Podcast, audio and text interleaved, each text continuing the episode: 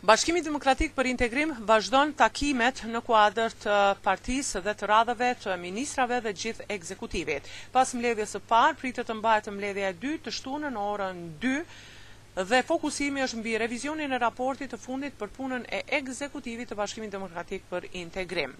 Ndërkohë Aleanca për Shqiptarët thuhet se do të bëhet pjesë e qeverisë dhe këto zëra tashmë qarkullojnë javëve të fundit. Nga grupi i të pakënaqurve apo grupi i zjarrit në BDI thonë se janë kundër zgjerimit të shumicës, sepse sipas tyre, kjo bëhet për t'i heshtur zëra ndryshe brenda partisë së Ali Ahmetit. Ata thonë se nëse do të ketë zgjerim të shumicës, pakënaqësia do të rritet edhe më tepër. Arben Taravari nga Aleanca për Shqiptarët tashmë është takuar me kryeministrin Dimitar Kovaçevski për të diskutuar për hyrjen e mundshme të Aleancës për Shqiptarët në koalicion qeveritar. Pavarësisht se një gjë të tillë ai nuk e ka pranuar. Për më tepër do të ndjekim deklaratën e tij. Ky takim me ministrin, kryeministrin Kovaçevski ishte në vazhdën e takimeve që i kemi pas prej shtatë nëntorit të këtij viti, mbas respektivisht në takimin e liderëve të partive politike parlamentare. Konstatuam se rruga europiane e Maqedonisë Patjetër të vazhdon dhe natyrisht ne si Aleancë për Shqiptarët e mbajmë atë qëndrim se do të jemi facilitues dhe ndihmës të këtij procesit me të vetmin qëllim që sa më shpejt të ecë ky proces. Gjithashtu e vazhdua e biseduam edhe luftën kundër korrupsionit dhe korrupsionit dhe funksionimin e shtetit të së drejtës e cila fatkeqësisht është gati se e falimentume në Maqedoni. Gjithashtu biseduam edhe për ligjet të cilët janë të bllokuara në Parlamentin e Republikës së Maqedonisë së Veriut dhe ne si Aleancë për Shqiptarët gjithnjë kemi ndihmuar që ligjet të cilët bllokohen me qëllim e të cilët kryesisht janë për them kështu ligje për për t'u afruar Maqedonia në Bashkësinë Evropiane. Për hir të qytetarëve dhe shoqërisë në përgjithësi do të vazhdojmë t'i përkrahim. Patët ofertë për hyrje në qeveri? Tash për tash nuk biseduam konkretisht për hyrje në qeveri, po në të ardhmen në qoftë se ka diçka serioze dhe diçka në qoftë se fillojmë të negociojmë, mediumet do të jenë të informum në kohë, domethënë do të jemi transparent këtë drejtim. Hristijan Mickoski nga VMRO-DPMNE thotë se negociatat e Aleancës për hyrje në qeveri janë sekret publik dhe se për të flitet javë të tëra. Ai shtoi se çdo parti politike ka vendimmarrje autonome dhe autoktone.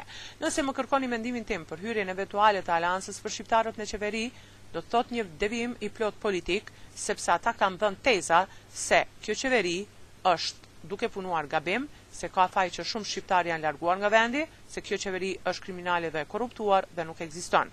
Dhe tani hyrja e Aleancës në qeveri do të thotë legjitimim i atyre politikave, pranim se kanë gënjyer, domethënë se nuk e kanë thënë të vërtetën dhe e vetmja gjë që u intereson është të rrëmbejnë një lloj zyre dhe karrike, ka thënë Hristijan Mickoski. Në anën tjetër, deputeti i pavarur Skënder Rexhepi, që kohë më parë u shkëput nga Alternativa, ka thënë se aktualiteti politik në vend dhe pakënaqësitë që kanë dalë në këtë subjekt si dhe situatat e këtilla nuk i bëjnë mirë as vendit dhe as Alternativës. Sidoqoftë sipas tij Alternativën e presin ditë të vështira pas humbjes së zgjedhjeve lokale dhe kur Besa dhe Aleanca mund t'ia zëjnë vendin. Në lidhje me takimin Edi Rama ka thënë se do të ishte e pafalshme një kthim mbrapa në histori të Maqedonisë së Veriut. Sipas tij, ndryshimet e kërkuara dhe të dakordësuara, vetëm ligësia, dritëshkurtësia dhe patriotizmi i shtirur mund t'i kthejnë në arsye për t'u përçarë mes veti dhe në arsye për të krijuar përsëri probleme për këtë vend. Atë e ka pritur kryeministri i vendit Dimitar Kovaçevski në mënyrë zyrtare e solemne dhe të dy në këtë takim janë shprehur kështu. Në gjashtë dhjetor në Tiranë do të mbahet Samiti i Bashkimit Europian me Ballkanin Perëndimor dhe ne do të jemi aty së bashku dhe është koha besoj unë për të projektuar të ardhmen përtej luftës duke kërkuar nga njëra anë së bashku të gjitha vendet tona nga Bashkimi Europian që të na përfshijë gjithnjë e më shumë në të gjithë përpjekjen e organizuar për t'i rezistuar qoftë goditjes së madhe të çmimit të energjisë elektrike, qoftë edhe inflacionit të luftës. Por nga ana tjetër, për të ndërtuar një plan të përbashkët, një plan i cili na jep mundësinë të shohim përtej kësaj faze të vështirë, të zymtë, por njëkohësisht edhe jo të pambarimtë. E në rrafshin kulturor mbahet për herë të parë Festivali Moisiu, një festival që ka filluar me gjashtëmbëdhjetë nëntor dhe zgjat një javë në Teatrin Shqiptar në Shkup, ku do të performojnë të gjitha teatrot shqiptare me produksionet e veta.